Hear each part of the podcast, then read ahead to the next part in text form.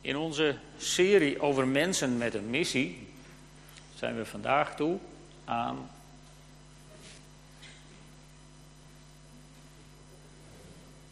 Kijk even naar de techniek. Ja. Aan de profeet Jehu. Er zijn meer mensen in de Bijbel die Jehu heten, een aantal koningen. Maar vandaag de profeet Jehu. En we vinden hem in 1 Koningen 15 en 2 Kronieken 19. Dus laten we daar eerst samen eens wat over lezen. 1 Kronieken 15. Aan het eind van het hoofdstuk, vers 33. Daar staat Baza, de zoon van Achia, werd koning van Israël in het derde regeringsjaar van koning Asa van Juda. 24 jaar regeerde hij in Tirza. Hij deed wat slecht is in de ogen van de Heer en volgde het voorbeeld van Jerobeam, die de Israëlieten tot zonde had aangezet. Daarom richtte de Heer zich tot Jehu, de zoon van Ganani, met de volgende uitspraak tegen Baza. Ik heb je uit het stof gehaald en je aangesteld tot vorst over mijn volk Israël. Maar jij hebt het voorbeeld van Jerobeam gevolgd en de Israëlieten, mijn volk, ertoe aangezet te zondigen en mij met hun wangedrag te tergen. Daarom zal ik Baza en zijn koningshuis wegvagen, zoals ik het koningshuis van Jerobeam, de zoon van Nebat, heb weggevaagd. Wie van de familie van Baza in de stad sterft, zal door de honden worden opgevreten, en wie in het open veld sterft, zal worden opgevreten door de vogels. Verdere bijzonderheden over Baza en de overwinningen die hij behaalde zijn opgetekend in de kronieken van de koningen van Israël. Toen Baza bij zijn voorouders te rusten ging, werd hij begraven in Tirza. Zijn zoon Ela volgde hem op. Bij monden van de profeet Jehu, de zoon van Ganani, had de Heere zich dus tegen Baza en zijn familie gericht om wat hij had gedaan, wat slecht is in de ogen van de Heer. Hij had immers net zoals Jerobeam en zijn familie de Heere met zijn handelswijze getergd. Bovendien had hij de familie van Jerobeam uitgemoord. Tot zover en dan gaan we naar 2 Kronieken 19. Maken we een sprong van 60 jaar in de tijd. En dan komen we terecht bij koning Jozefat van Juda. Keerde behouden terug naar Jeruzalem. De ziener Jehu, de zoon van Ganani, ging de koning tegemoet en zei tegen hem... U vond het nodig diegenen die de Heer afwijzen te helpen... en degenen die hem haten lief te hebben... Daarom hebt u de toren van de Heer over u afgeroepen. Gelukkig hebt u ook goede dingen gedaan. U hebt het land gezuiverd van Asherah-palen en uw hart op God gericht. En dan in hoofdstuk 20 nog een paar versen. Zo regeerde Jozefat over Juda. Hij was 35 jaar oud toen hij koning van Juda werd en regeerde 25 jaar in Jeruzalem. Zijn moeder was Azuba, de dochter van Silki. Hij volgde het voorbeeld van zijn vader Asa en deed wat goed is in de ogen van de Heere. Toch bleven de offerplaatsen bestaan en richtten de Judeërs hun hart niet op de God van hun voorouders. Verdere bijzonderheden over Jozefat zijn van het begin tot het eind opgetekend in de geschriften van Jehu, de zoon van Ganani, die zijn opgenomen in het boek over de koningen van Israël. Tot zover de schriftlezingen. Jehu. Jehu betekent de Heere is. Als je het een beetje verlengt, wordt het Jehuda. Dus Juda, dan gaat het over lofprijs, gaat het over aanbidding. Het ligt ook heel dicht tegen de naam van God aan. Ik ben die ik ben in het Hebreeuws. Dus de Heere is. En hij was de zoon van Ganani. En die hebben we vorige week besproken in de dienst. Op het schemaatje kun je dat zien. Daar heb je Jehu, Ganani zit er vlak boven. Dus we zitten in de tijd van koning Jozefat en van deze koningen, waarin met name Agab en Izebel het bekendste zijn. Dus Jozefat was koning van Juda van 873 tot 849 voor Christus. En in het tienstammenrijk volgde een hele serie koningen elkaar op. Ons verhaal begint met koning Baza aan het begin van de carrière van de profeet Jehu. Die wordt opgevallen door zijn zoon. Dan wordt het hele geslacht Baza uitgeroeid, zoals we net geprofiteerd hebben gezien. En uh, dan komen er twee, Simri en Omri, twee generaals uit het leger die elkaar bestrijden. En Omri wordt de overwinnaar. En hij is de vader van koning Agab, die aan het eind van het leven van, uh, van je, Jozefat wordt opgevolgd door Agazia. En Omri stichtte Samaria, daar hebben we vorige keer al iets over gezegd. Profeten in die tijd, Elia, het is natuurlijk de tijd van Elia. Het leven van koning Agab wordt ook gekenmerkt door Elia, een hele bekende profeet. En Micha, die zit ook nog in het verhaal. En in het buitenland was het Aramese Rijk, dus het gebied van Syrië en omstreken, zeg maar, dat was tanende. Die invloed werd minder. En iets verder richting Irak kwam het Assyrische Rijk. Dat kwam in opkomst. En dan begint die eerste schriftlezing met koning Baza, die koning wordt in ongeveer 910 voor Christus. Dus in die tijd zijn we. Baza was dus geen nakomeling van Jerobeam. Hij had een staatsgreep gepleegd, het geslacht uitgeroeid. En dan staat er, hij deed wat slecht is in de ogen van de Heer en volgde het voorbeeld van Jerobeam. Nou wordt het hele boeken, de hele boeken koningen en kronieken worden telkens gekenmerkt door twee soorten koningen. Zij die deden wat goed is, of zij die deden wat slecht is. In de ogen van de Heer. Het wil niet zeggen dat politiek iedereen het altijd met hun eens was. Het ging erom wat God ervan vindt. En daar wil ik vandaag eigenlijk wat dieper met jullie op ingaan. In Juda betekende dat dat koningen het voorbeeld van hun voorvader David volgden of niet. Dat is eigenlijk de hele positieve insteek. De goeien volgden het voorbeeld van David. En de slechten deden dat niet. In het tienstabberijk is eigenlijk de insteek heel negatief. Want daar wordt telkens gezegd, ze volgden het voorbeeld van Jerobeam. En dat was geen compliment. En er is eigenlijk bijna geen koning tussen te vinden die dat voorbeeld niet volgt. En wat is dan dat voorbeeld van Jerobeam? Daarover kunnen we iets lezen in 1 Koningen 12. 1 Koningen 12 vanaf vers 25. Jerobeam vestigde zich in Sichem in het bergland van Ephraim nadat hij de stad eerst had versterkt. Later trok hij daar weg en versterkte hij Penuel. Hij bedacht, dat zou je moeten onderstrepen in je Bijbel, hij bedacht dat er alle kans was dat het koningschap weer zou terugvallen aan het huis van David.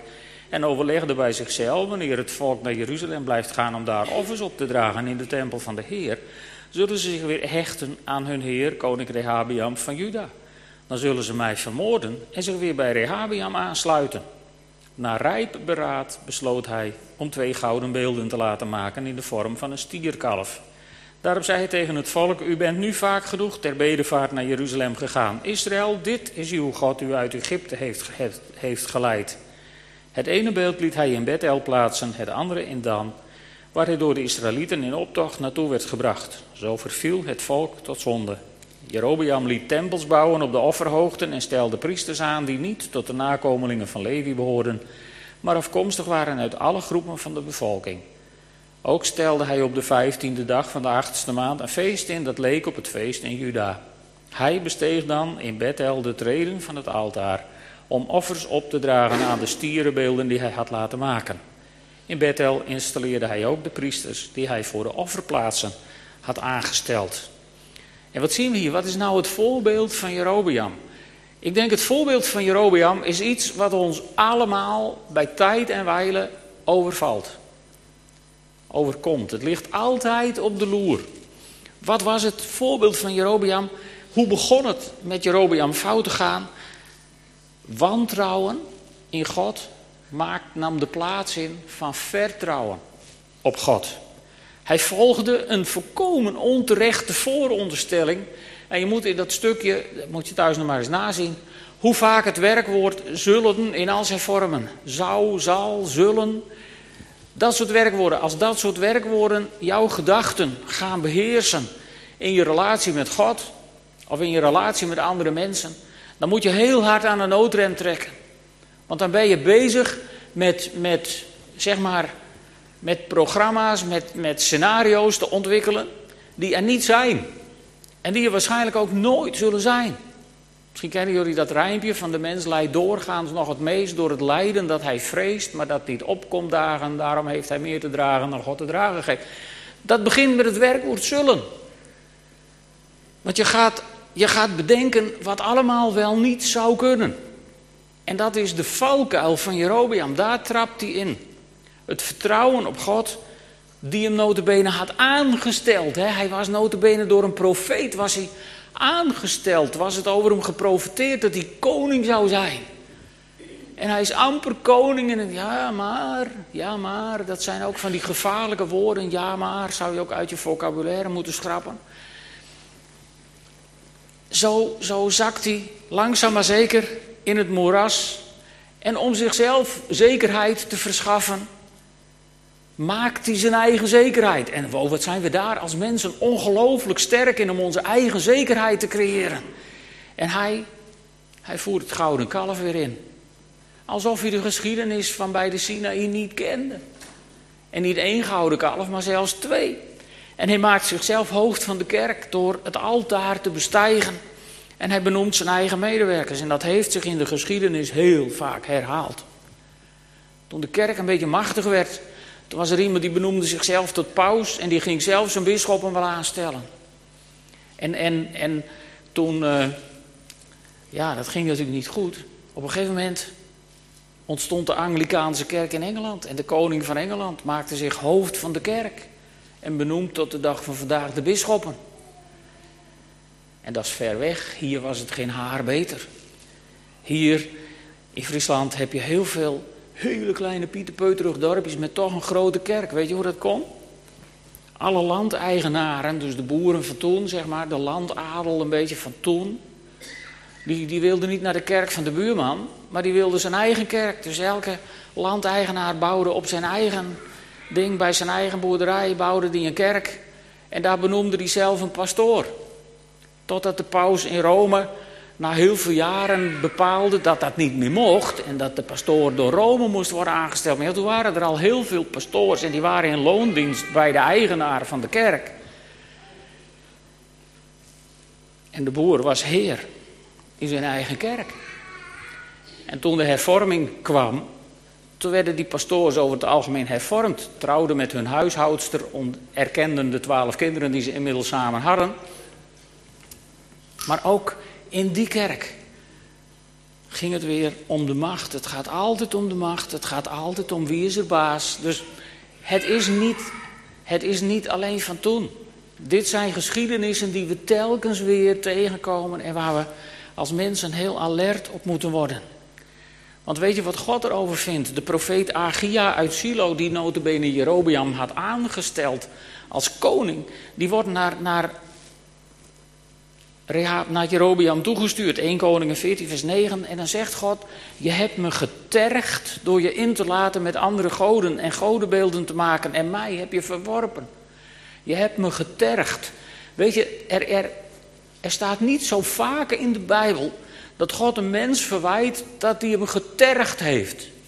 En dan gaat het niet over, over, over individuele incidentele, op zichzelf staande zonden. Die zijn ook niet goed, begrijp me goed, ik, die praat ik niet goed. Maar als God zegt, je hebt me getergd, dan gaat het daar niet over. Dan gaat het erover dat mensen andere goden voor het aangezicht van God gaan kiezen. Dat andere dingen de regie in jouw leven gaan voeren. Dit is wat God erover vindt. In 2 Koningen 17 staat een heel boeiend stukje. Dat gaat over de ondergang van Israël, van het tienstammenrijk. Dan is op dat moment is het tienstammenrijk, het noordelijke rijk, is door de Assyriërs in ballingschap gevoerd. En dan staat daar een stukje. En daar staat in de nieuwe Bijbelvertaling boven beschouwingen over de ondergang van Israël. En daar staat dit alles gebeurde omdat de Israëlieten zondigden tegen de Heer hun God, die hen had bevrijd uit de handen van de farao, de koning van Egypte, en hen uit Egypte had weggeleid. Ze waren andere goden gaan vereren. Dat was het, het, het de main problem, zou je in het Engels zeggen. Dat was, was de kern van het probleem. Omdat ze, andere, af, ze waren andere goden gaan vereren en volgden de levenswijze van de volken die de Heer voor hen verdreven had. En de bepalingen die de koningen van Israël zelf uitvaardigden. En, en dit is zo'n zinnetje, dat zou je ook moeten onderstrepen in je Bijbel. Vers 9. Ze hielden er onjuiste denkbeelden over de Heer hun God op na. En in vers 14, Er staat maar even halstarrig als hun voorouders die geen vertrouwen stelden in de Heer, hun God weigerden de Israëlieten te luisteren. Dus daar, dat is waar het om gaat. Geen vertrouwen stellen in de Heer, je God. En er onjuiste denkbeelden over God op nahouden. Heb je daar wel eens last van? Ik zal je één voorbeeldje vertellen, mijn eigen leven.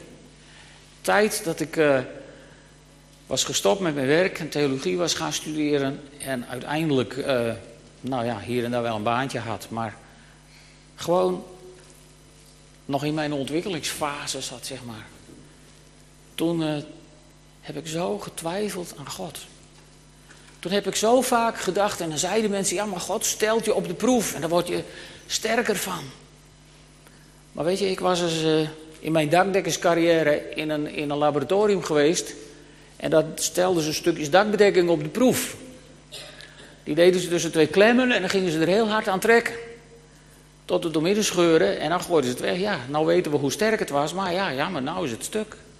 En mijn beeld van als God je op de proef stelt is heel lang geweest dat God je op de proef stelt tot je barst. En dan zegt hij, ja, nou ja, jammer. We weten nu hoe sterk die was. Zie je wat een ongelooflijk vertekend beeld ik van God had?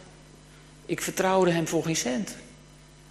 En daardoor leed ik onder de situatie waar we in zaten. En als ik toen, veel vroeger dan ik gedaan heb uiteindelijk, mijn vertrouwen in God had gesteld, dan denk ik wel eens, wat een, wat, wat een, wat een ellende had ik mezelf kunnen besparen.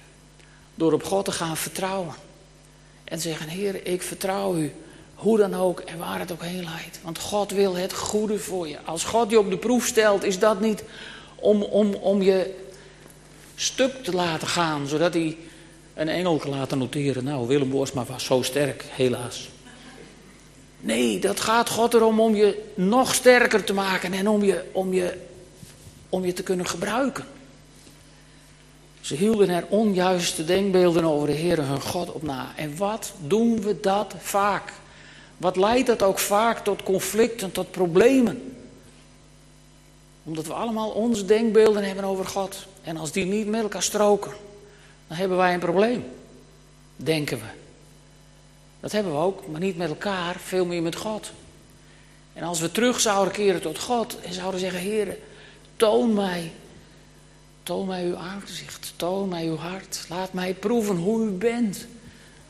Dan zouden we zoveel problemen niet hebben. Maar het heeft te maken met vertrouwen. Het heeft alles te maken met vertrouwen. En als je nou diep in je eigen hart kijkt.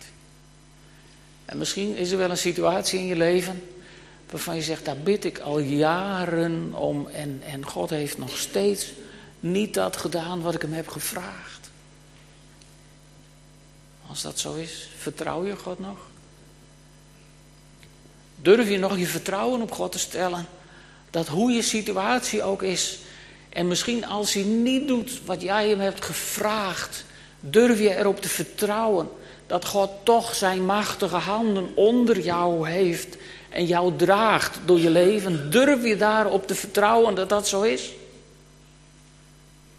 Of hebben je teleurstellingen en je verkeerde vooronderstellingen over wat God zou moeten en kunnen en willen? Hebben die je vertrouwen in God aangetast? Dan hoop ik dat je vanochtend tot inkeer komt daarvan. En dat je je vertrouwen weer op de Heer durft te stellen. Als we straks avondmaal vieren, dat je in het brood en in de wijn opnieuw zult herkennen dat Jezus Christus is gestorven voor elk probleem waar je mee worstelt. Voor elke vraag waar je tegenaan loopt. Voor elk onjuist denkbeeld wat er in jouw leven is binnengeslopen. Want God wil dat herstellen en hij wil dat, hij wil dat als hij hier zit nu, vandaag.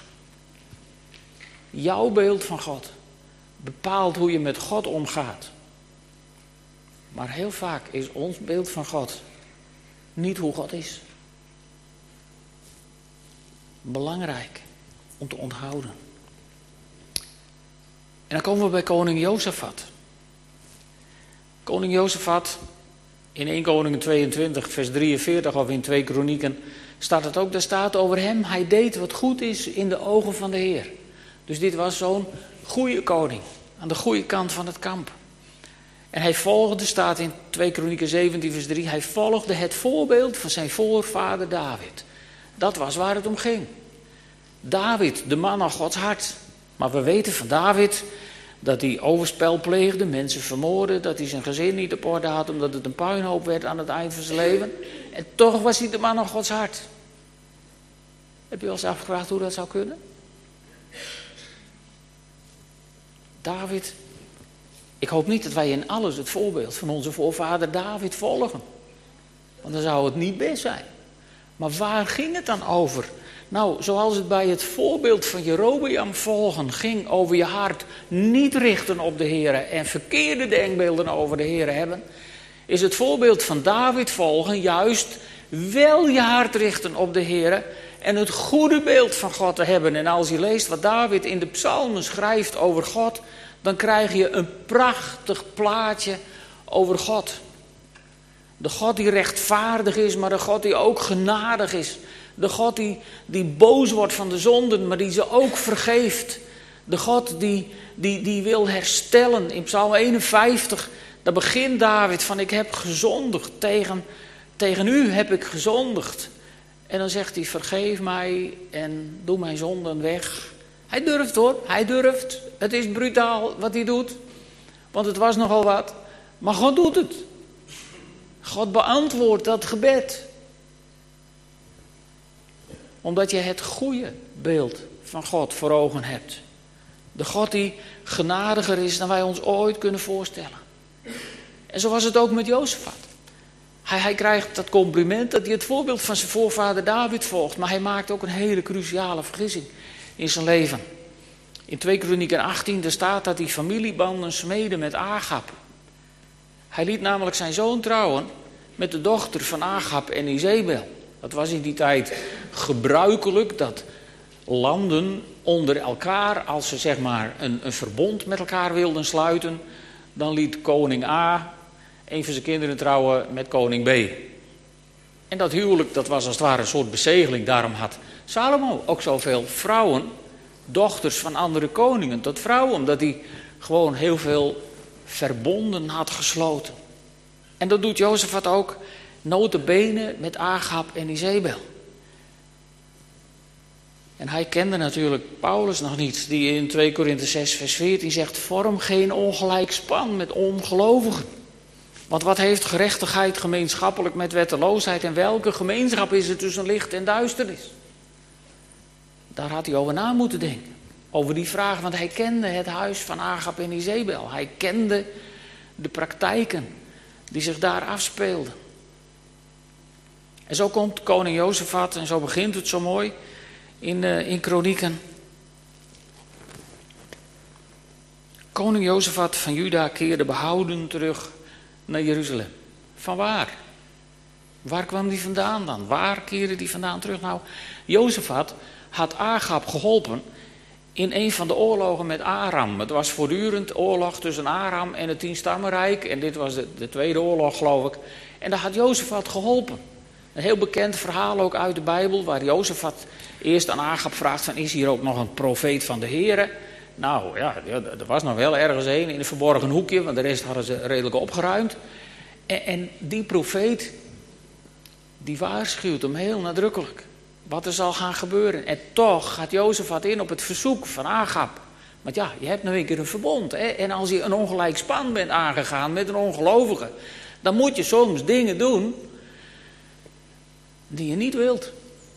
Dat kan je heel ongelukkig, kan je dat in de tang hebben. En Jozefat had gevochten in een slag met Aram rond 849 voor Christus. Hetzelfde jaar waarin hij later in dat jaar kwam te overlijden. En koning Agap was gesneuveld in deze strijd. Eh, en Jozefat had ter nauwe nood het leven eraf gered. En zo komt hij terug naar Jeruzalem. En dan komt de profeet Jehu naar hem toe. En die moet aardig op leeftijd geweest zijn, want dit is 61 jaar later dan zijn eerste optreden, wat we zo net hebben gelezen. Dus hij moet nou inmiddels rond de 80, stel ik me voor, zo'n beetje geweest zijn. En zo komt Jozefat en die krijgt het verwijt U vond het nodig degenen die de Heer afwijzen te helpen. We moeten even goed naar de werkwoorden kijken. Het is niet de Heer die hier afwijst. Het gaat om Agap en Izebel die de Heer afwijzen in het meervoud. Hè? Dus God wijst niet zo gauw mensen af. Maar dit gaat over mensen die God afwijzen. In, in uh, ik geloof in Romeinen staat ergens zo'n zinnetje over de ongelovigen die verblind zijn, waardoor er geen hoop voor hen is. Weet je, dat gaat niet over mensen die God niet kennen. Want je kunt God niet afwijzen als je hem niet kent. Je kunt niet nee zeggen tegen Jezus Christus als Heer van je leven als niemand jou ooit over Jezus Christus als Heer van je leven heeft verteld. Maar als het je verteld is, of als je zelfs christelijk bent geboren en, en gelovig bent opgevoed en groot geworden, dan, uh, dan kun je wel nee zeggen tegen Jezus. En, en het werkwoord wat daar in Romeinen wordt gebruikt is het, het Griekse werkwoord, of het Griekse woord apistos. Pistos betekent gelovige. En apistos, dat betekent dat A betekent niet iemand die niet gelooft omdat hij niet weet. Dat betekent iemand die ervoor gekozen heeft om bewust niet te geloven in God. En dat waren Agap en Isabel, waren toonbeelden van mensen die er bewust voor kozen om niet te geloven in God. Want neem van mij aan dat Elia zijn stinkende best had gedaan om ze te overtuigen van de foute koers die ze hadden in dat rijk. En dat er ongelooflijk veel tegen hun was gepraat. Maar ja, de christenen waren vervolgd, zou je bijna kunnen zeggen. De geschiedenis herhaalt zich telkens weer. De gelovigen waren vervolgd en de heidenen hadden de macht genomen. En die mensen was Jozefat gaan helpen. En daar was God niet blij mee, zacht gezegd. Want God zegt, daarom hebt u de toren van de Heer over u afgeroepen. En dan zou je denken, nu gaan er allemaal vreselijke dingen gebeuren. En dat is niet zo. Want onze God is een genadige God die ook kijkt naar de goede dingen in de mensenleven. Want in het volgende vers, dan zegt Jehu, gelukkig hebt u ook goede dingen gedaan. U hebt het land van Asherah-palen gezuiverd en uw hart op God gericht. Hier zijn we weer terug bij dat hart. U hebt uw hart op God gericht. En daardoor vergeeft God hem. Daardoor, of vergeeft, daardoor komt dat oordeel als het ware min of meer niet tot uitvoer, zou je bijna zeggen. Het lijkt er wel even op in het volgende hoofdstuk in Kronieken, waar, waar al die volken optrekken tegen koning Jozefat. En waar Jozefat naar de tempel gaat en zegt, Heer, u hebt een probleem, want zij maken mij het leven zuur. Even, even heel vrij kort, kort vertaald, samengevat. En dan worden die volken die worden verslagen omdat Jozefat optrekt met het leger, maar het koor gaat voorop. En die zingen lofliederen en die prijzen de Heer. En God regelt even dat die lui die tegen hem optrekken elkaar in de pan haken. Ja, zo gaat dat heel vaak. Dus God is wel genadig geweest aan Jozefat. Omdat hij zijn hart op God had gericht. En dan kom ik weer terug bij die tekst die we elke keer hebben gezien. Elke week komen we dit weer tegen. Waar de fariseer Jezus antwoord geeft, de wetgeleerde. Als Jezus vraagt, wat staat er in de wet? Dan vat deze wetgeleerde het prachtig samen. En dit zul je in het Oude Testament niet vinden. Dit is een samenvatting van een aantal plekken in de Torah. En die was kennelijk door de schriftgeleerden zo samengevat. Heb de Heer uw God lief met heel uw hart. En met heel uw ziel en met heel uw kracht en met heel uw verstand. Nou, die bovenste, daar voldeed Jozef het aan. Maar daaronder markeerde er nogal wat aan. En weet je, dan heb je ook nog je naaste die je moet liefhebben als jezelf. Maar het hart van Jozefat was op God gericht. En, en, en dan kom ik ook terug bij deze tekst die we al eerder gezien hebben in 1 Samuel 16, vers 7. Waar Samuel, een van de zonen van, van Isaïe, wil zalven tot koning. En, en de mooiste en de grootste en de oudste en de eerstgeborene, die zal hij meteen maar zalven. En dan zegt God, nee, kijk niet naar het uiterlijk. Het gaat niet om wat de mens ziet. De mens kijkt naar het uiterlijk. Maar de Heer kijkt naar het hart. Ik weet niet hoe het met u is. Maar ik betrap mezelf er toch nog wel vaak op. dat als je een bepaalde situatie ziet, of een, ziet wat een mens uitvreet, dat je kijkt naar wat je ziet. Wat voor ogen is. Dat je niet zo gauw geneigd bent om jezelf eens af te vragen wat zou er achter deze situatie zitten. Voorbeeldje waar ik de laatste tijd wel eens, wel eens mee geworsteld heb, zijn de mensen in Oekraïne. We hebben natuurlijk, zijn we heel dicht bij betrokken geweest als land. Een vliegtuig uit de lucht geschoten. En eindelijk mogen we daarheen om, om de laatste stoffelijke resten en de spullen op te zoeken. En dan denk je, wat zijn dat voor mensen? En je ziet ze soms op het journaal van die onbehouden ongelikte beren die daar menen nu de macht hebben omdat ze per ongeluk een geweer in handen hebben. En denk je, wat zijn dat voor mensen? En in eerste instantie heb je hele onchristelijke gedachten over zulke mensen. En toen kwam ineens die vraag bij me binnen, hoe zijn deze mensen zo geworden? Want zo zijn ze niet geboren. Wie heeft deze mensen zo gemaakt dat ze zo onredelijk en zo destructief en zo fatalistisch geworden zijn? Wat heeft de geschiedenis hen aangedaan?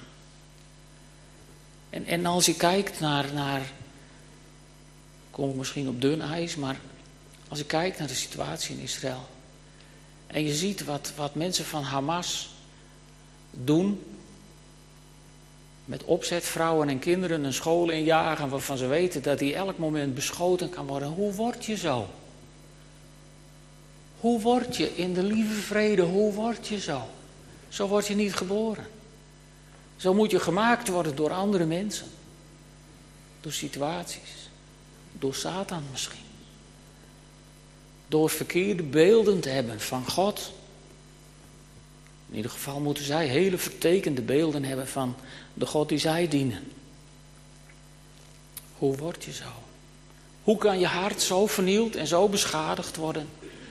Dat je zo'n mens wordt en aan de andere kant als dat hen kan overkomen. Laten we dan waken voor ons hart. Laten we dan ons hart bewaken met alles wat we in huis hebben. Want kennelijk kan een mens zo gedeformeerd raken dat je tot dat soort dingen in staat bent. En ik denk dat dat voor een groot deel ook hierover gaat. Waar verzamelen wij onze schatten? Waar ligt voor ons het belang in ons leven? Ligt dat in, in, in mijn carrière? Ligt dat in, in, in een groter huis of een grotere auto? Of ligt dat, bedenk het allemaal maar. Of proberen wij schatten te verzamelen in de hemel? Waarbij ik niet zeg dat je gewoon je aardse spullen gewoon moet verwaarlozen. Hè? Dat is helemaal de bedoeling niet. Dat is ook niet de kern van deze tekst. Maar waar, waar ligt je ware schat? Want Jezus zegt hier in Matthäus, waar je schat is, daar zal ook je hart zijn. Dus je hart verraadt als het ware waar je schat is. Waar ben je mee bezig? Wat is de eerste prioriteit in je leven? Is dat een plek waar God mag staan? Want God wil jou helemaal. We hebben namelijk één probleem met God. Vroeger in de kerk lazen ze de tien geboden voor en begon met de Heer uw God is een naijverig God. Nou, dat, ik wist wel wat ijverig was, met wat naijverig was als jongetje van 6, 7 jaar. Dat zei me allemaal niet zoveel, maar later lees je dan in een andere vertaling, God is jaloers. God is jaloers en eigenlijk zegt het Bijbelvers dat ook. Want ik, de Heer uw God, duld geen andere goden naast mij. Ook geen gouden kalf. En dat kun je nog zo mooi als beeld van God neerzetten.